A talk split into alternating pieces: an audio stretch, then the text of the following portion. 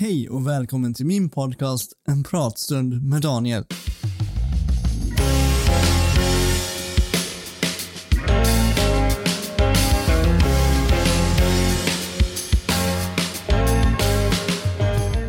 Som sagt, jättevälkommen ska just du vara till min podcast En pratstund med Daniel. Nu undrar säkert du vart du har hamnat någonstans och vart du har kommit och allt sånt där. Jag kommer till det. Mitt namn är Daniel Jesaja Sjöqvist. Jag är 24 år. Jag föddes med en CP-skada som heter spastisk diplogi. Och vad den innebär, det kommer jag gå in på i ett annat avsnitt, men just nu så vill jag fokusera på vad den här podcasten kommer handla om, vad jag vill sprida för budskap med min podcast som jag nu har startat. Ni förstår, år 2017 så startade jag ett projekt som hette hashtag road to success, där jag vill sprida budskap kring psykisk ohälsa, missbruk, medberoende och allt som har med psykisk ohälsa att göra. Så jag började med det på Instagram. Eh, men sen så gick det vidare. Sen var det ganska populärt och folk började följa det. Eh, det var väl inte så jättemånga, men det var några stycken. Så jag tänkte så här, men varför startar jag inte en blogg då? Så började jag starta en blogg och jag skrev och jag skrev och jag skrev inlägg på inlägg och dela med mig av tankar och idéer. Det blev väldigt uppskattat och omtyckt. Men sen så testade jag ändå att göra en, en träningsvideo för att med min CP-skala så, så jag kan inte gå utan stöd. Jag måste ha stöd som rullator, kryckor och så vidare för att kunna gå. Och jag började göra träningsvideos för jag gick hos en sjukgymnast som skulle hjälpa mig upp på benen helt enkelt. Från rullstol upp på benen så gott det gick. Och målet var sen, någon gång i framtiden, att kunna ta sig upp på benen och stå utan stöd, gå utan stöd. Det är mitt slutgiltiga mål och dit har jag inte kommit än. Men i alla fall. Jag började göra videos om hur jag tränade och hur hur det såg ut när jag tränade helt enkelt. Och det var väldigt obekvämt för att när jag gick i... Först var det väldigt obekvämt. För när jag gick i högstadiet då blev jag mobbad på grund av min, min CP-skada. På grund av att jag gick konstigt, det såg konstigt ut och det var jättemycket som jag blev liksom mobbad för på grund av att jag var annorlunda. I alla fall, som, eh, det var väldigt obekvämt till en början att eh, dela med sig av, men folk började tycka om det. Jag började mer, bli mer bekväm med den grejen. Och sen så började jag dela med mig av, eh, sen började jag spela in videos, träningsvideos, men till det så la jag till tal om eh, jag la in tal som skulle bli lite mer motiverad eller inspirerande för den som lyssnade. Så jag började spela in så här motivationstal eller inspirationstal eller vad man nu vill kalla det. Och så la jag in det i videon och det blev väldigt omtyckt. Och eh, folk började liksom, ja men de tyckte om att höra min röst och höra vad jag hade att säga, att jag var klok och så vidare. Och, eh, jag vet inte om jag kan hålla med om det, men, men i alla fall så det vart omtyckt, så jag fortsatte med det. 2018 så la jag upp min första YouTube-video och sen har det bara fortsatt. Eh, lite småpauser lite här och var på grund av min psykiska ohälsa, på grund av att orken inte har räckt till till att göra sådana videos. Eh, det krävs ju väldigt mycket, eh, vad ska man säga, det krävs ju både planering, det krävs att man ska ha någonting att säga, det krävs att man ska koppla in mikrofon, man ska redigera videon, man ska upp med videon, publicera videon, Eh, Eh, man ska marknadsföra videon, det är hur mycket som helst som måste göras. Så det, det tar mycket energi, så därför har det blivit många långa pauser längs vägen. Men, eh, jag började prata om psykisk ohälsa, missbruk, medberoende, så att från att mitt projekt Road to Success blev mitt träningsprojekt, det växte och blev någonting ännu större. Jag började involvera människor och deras historier och deras kamp och, och, grejer och vi började prata om psykisk ohälsa, missbruk, medberoende. Allt möjligt kunde vi börja prata om där, eller jag började prata om först och främst. Och sen så blev det verkligen, verkligen uppskattat och folk tyckte om att lyssna på. Och då kom jag på det att det jag gör, det är egentligen, jag gör väldigt lite visuellt Men det som jag egentligen vill nå fram med, det är det jag säger och det jag har att säga. Och då kom jag på att, men jag kan ju starta den här podcasten. Så jag, jag tänker ta en litet, ett litet moment här och, och välkomna mig själv in i din vardag, in i ditt vardagsrum, in i ditt kök, in i din bil eller in där du är på gymmet eller vad du än är. Så tänker jag säga att jag välkomnar mig själv in dit och jag välkomnar dig hit till mig. Så att vad den är så hoppas jag att du kommer tycka om den här podcasten. Och jag hoppas att jag inte pratade för mycket goja. Men sen så finns det en grej till som inte har fått så mycket uppmärksamhet på mina sociala medier som inte har liksom fått plats i min, min hashtag Road to Success kanal på YouTube eller på Instagram eller så. Och det är min kristna tro. Jag är, jag är kristen, jag är troende på Jesus Kristus. Och det är ingenting jag vill dölja för offentligheten. Det är ingenting jag skäms över längre och det är någonting jag vill bara ska lyftas fram och framföras. Men jag är inte här för att tvinga in Jesus i livet på dig. Jag är inte här för att trycka Jesus upp i ansiktet på dig. Jag är här för att förmedla någonting som har räddat mig och om du vill så kan det rädda dig också. Men det fina med det här är att valet är upp till dig. Så jag, det är inte, jag ska inte tvinga dig. Jag ska berätta för dig om vad som har räddat mig. Det kanske får dig att bli inspirerad och söka det som jag har hittat och det som räddat mig kan rädda dig. Är ni med på vad jag menar? Så jag är som sagt inte här för att tvinga någon att tro på Jesus, men jag är här för att berätta om någonting som har räddat mig. Så för att ni ska förstå varför jag har den tro jag har så ska jag backa bandet lite grann. Jag växte upp med en troende familj. Jag har en troende mamma, en troende pappa, en troende mormor och troende gammelmostrar faktiskt. När jag var liten så fick jag höra historier om David och Goliat, Daniel i lejongropen och för min del så var det just det, det var, det var historier. Men någonstans inom mig som barn, det var nog min barnatro som talade, som sa att men det här är, det här är äkta. Det kändes äkta. Det mamma berättade för mig var äkta. Och jag ska berätta för er att mamma bad alltid en bön för mig när jag skulle gå och lägga mig. Som, som jag inte, jag kunde inte sova utan den. Så var jag borta. Om jag var och hälsade på hos min syster, min bror, min, min, eh, min pappa, var jag än var, så, så kunde jag inte sova utan den. Så jag lärde ringa mamma ibland, och, eller jag lärde ringa mamma jämt när jag var borta. Så hon fick be den bönen för mig. Och den gick så här.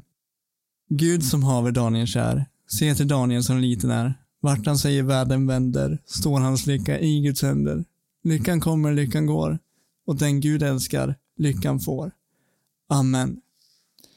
Utan den bönen kunde inte jag gå och lägga mig. Utan den bönen ville jag inte gå och lägga mig. Jag kände mig trygg med den bönen. Uh, och det kändes liksom tomt om jag inte hade fått den bönen.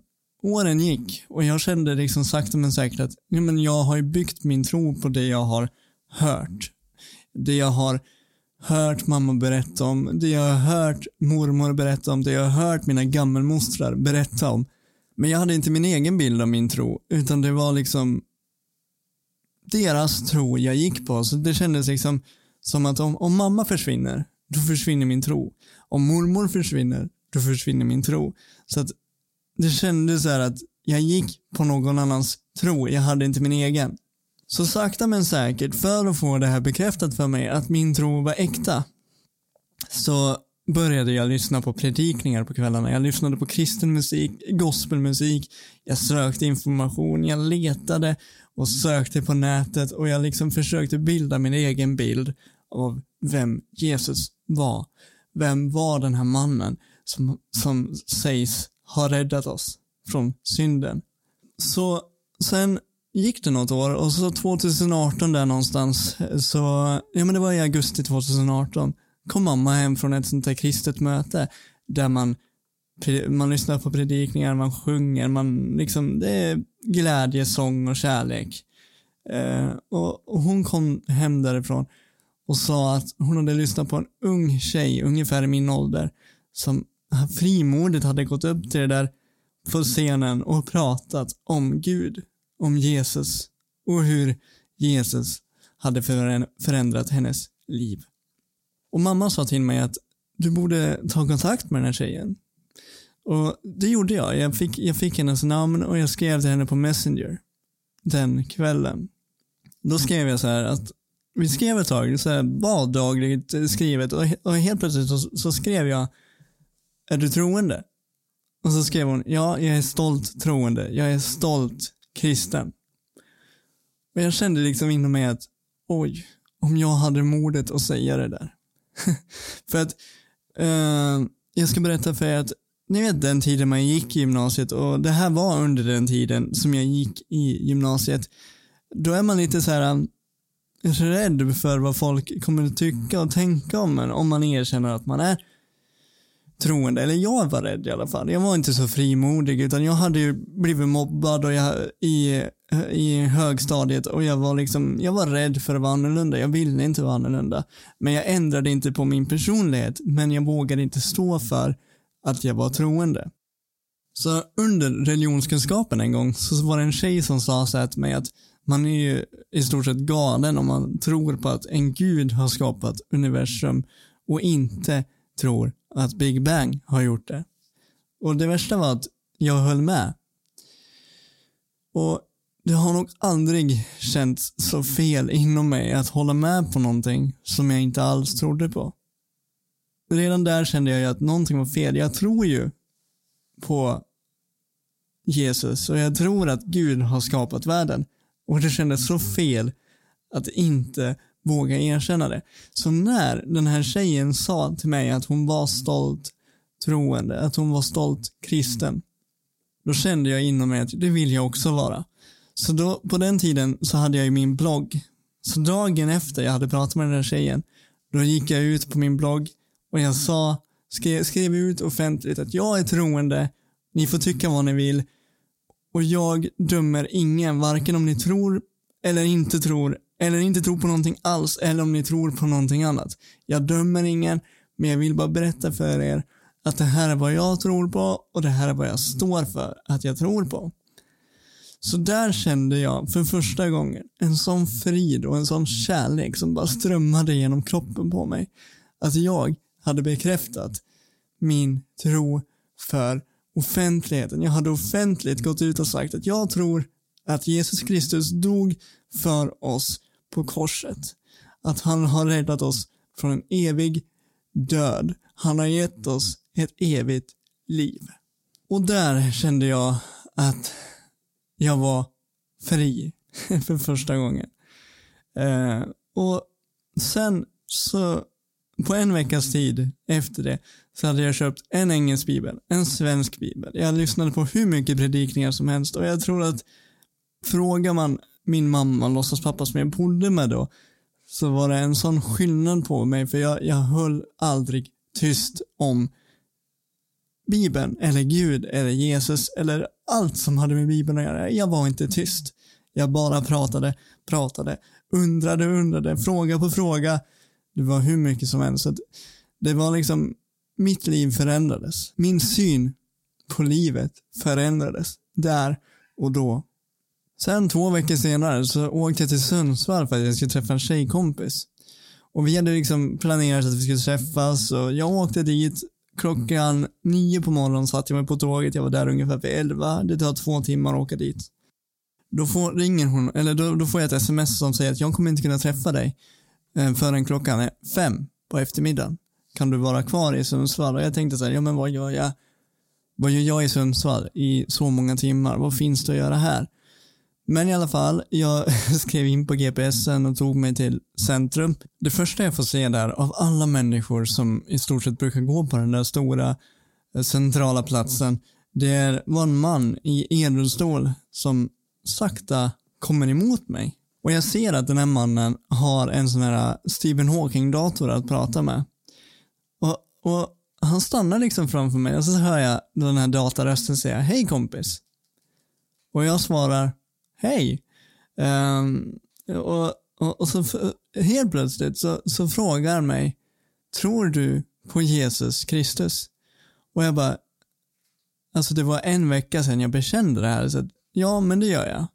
Och han, jag såg liksom, även fast han inte kunde ge så mycket så här ansiktsuttryck, jag såg på honom hur glad han blev över att jag sa ja. Så sa han så här, får jag berätta min livshistoria för dig? Och jag bara, ja, det är klart du får. För jag hade ändå inte bråttom någonstans. Jag kunde liksom sitta där och lyssna. Och man fick ju ha lite tålamod för han skrev ju hela, hela alltihop med, med på den här datorn som han hade. Men sen så berättade han sin livshistoria och jag, jag höll på att börja gråta alltså framför den mannen för att det var så här, om han har varit med om allt det här, vem är då jag att klaga? Sen pratade vi ett tag och vi pratade mycket om Jesus och den kristna tron och jag berättade hur ny jag var på det här och hur Sen gick det, sen skulle han gå iväg och 200 meter senare när jag hade rullat 200 meter då hör jag en man som ropar på mig. Eller ja, han ropar inte på, alltså han ropar inte mitt namn men jag vet att han, jag känner på mig att han ropar på mig så jag vänder mig om och så kommer en man emot mig med en gul sliten jacka och en trasig plastpåse som bara väntar på att få prata med mig. och han, han kommer fram till mig. Han luktar väldigt mycket alkohol och väldigt mycket urin och han kan inte ha mått bra. Men han tittar på mig och så säger han, jag vill ha det du har. Alltså, jag, jag, liksom, jag fattar inte vad han menar.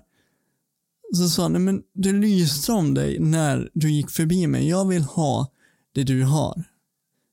Och jag berättade för honom då att ja, men jag tror på Jesus Kristus. Och han sa, kan du be för mig? Och ska jag vara ärlig, det kändes väldigt obekvämt för jag hade aldrig bett för någon på det viset förut. Inte på det offentliga sättet. Så det var väldigt obekvämt, men jag kände även att ja, det är väl, det, det, ska, det gör jag så gärna. Så jag, jag bad för den mannen och han började gråta och han tackade mig så fruktansvärt mycket att jag hade tagit mig tid att lyssna på honom, lyssna på hans berättelse och bett för honom. Och jag satt där och funderade på vad är det som har hänt? Alltså det hade gått ett tag eh, efter att den här mannen hade, hade lämnat mig. Och jag, jag sa liksom, jag tänkte för mig själv, vad är det som har hänt? Eh, det här kan ju inte, liksom, det här kan inte vara en slump. Men sen fick jag ett sms av min tjejkompis att, att hon kommer inte hinna träffa mig idag. Så jag fick vänta till tåget som gick hem klockan åtta på kvällen. Men jag var inte sur, jag var inte besviken, jag var inte arg, jag var ingenting av det där. Utan jag, jag liksom såg en anledning till att jag var sänd dit för att både få höra hans historia och för att få be för den där mannen och den där mannens liv. Och jag kände liksom att, att eh, jag kände mig glad. Och än idag så kan jag liksom sitta och tänka, undrar vad som hände med den här mannen som jag bad för. Jag skulle så gärna vilja veta det. Han, eh, vad som liksom har hänt med han sen dess. Det är liksom ändå nästan tre år sedan nu som jag var där och som jag pratade med honom två, två år senare så bestämde jag mig att jag skulle döpa mig och, och lämna mitt gamla liv bakom mig. Jag skulle lämna den jag var bakom mig. Jag skulle begrava honom i vattnet. det låter kanske mer eh, det kanske låter mer dramatiskt än vad det är, men vi ska förklara det någon dag. Men jag känner att jag vill ha någon här som också är kanske lite kunnigare än vad jag är. För jag är ändå bara jag är ändå bara två år in i det här gamet med, med, eh, med Jesus och, och sådär. Men det är de mest två händelserika åren jag har varit med om rent andligt och jag känner bara hur, hur, hur jag förstår mer och mer, hur jag, jag känner bara att jag vill veta mer och mer. Det är liksom, det tar aldrig stopp. eh, om man kan säga så. Det var, det var lite hur, hur jag hittade min tro och hur, hur den bara fortsätter att växa och växa. Och jag vill starta den här podcasten för att ha en plattform där jag kan dela med mig tillsammans med andra gäster som kan prata om psykisk ohälsa, som kan prata om missbruk, som kan prata om allt vad de har varit med om i livet, hur de tog sig ur, vare sig om de är kristen eller inte kristen. Oavsett vart de kommer ifrån, vem de är, vad de har för sexuell läggning. Alla är välkommen att prata här. Jag känner bara att det här är en ny start och det, det ska bli intressant att se var den här podcasten tar vägen. Men jag känner också att det här är en plattform för mig att kunna uttrycka mig helt fritt. Och är du inte fine med att jag är kristen, då, då behöver du inte lyssna.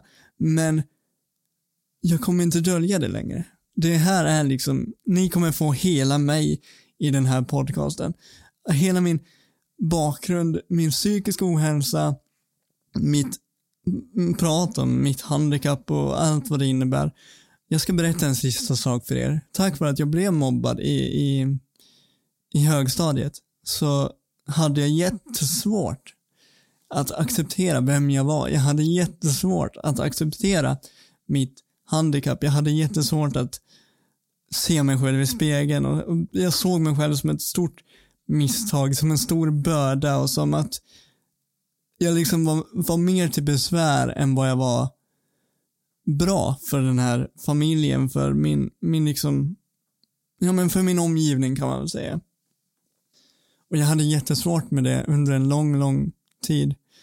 Och från början när jag blev troende, när jag hade tagit mitt beslut att följa Jesus, då hade jag jättesvårt att öppna Bibeln. För jag kände mig inte värdig, jag kände mig inte men jag kände mig inte värdig att öppna den för det kändes som att de där ska, den där, den där boken ska de heligaste av de heligaste, de som har varit med i gamet länge, de öppnar den där bibeln. Men sen så insåg jag att den där bibeln är till för alla. Det, det är Guds ord i den där bibeln, det är det vi ska, liksom det man ska leva efter. Guds ord är levande och det är, det är ett, hans ord anpassar sig till din nuvarande livssituation. Det är ett levande ord. Eh, och jag kände liksom att, ja men, jag, en dag så kände jag mig ändå att, jo men jag är värdig. För att i den där boken så finns det folk, det finns människor som har varit mycket värre än vad jag är.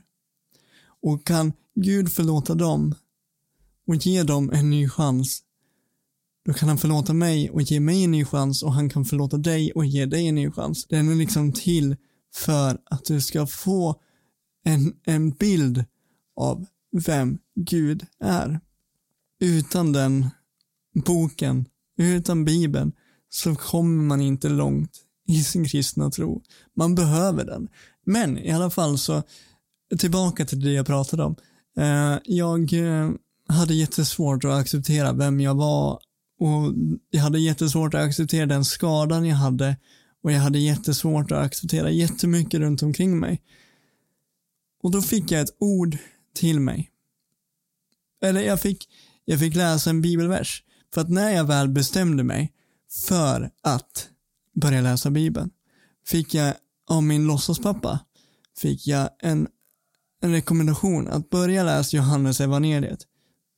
För att han förklarar det andliga kring Jesus.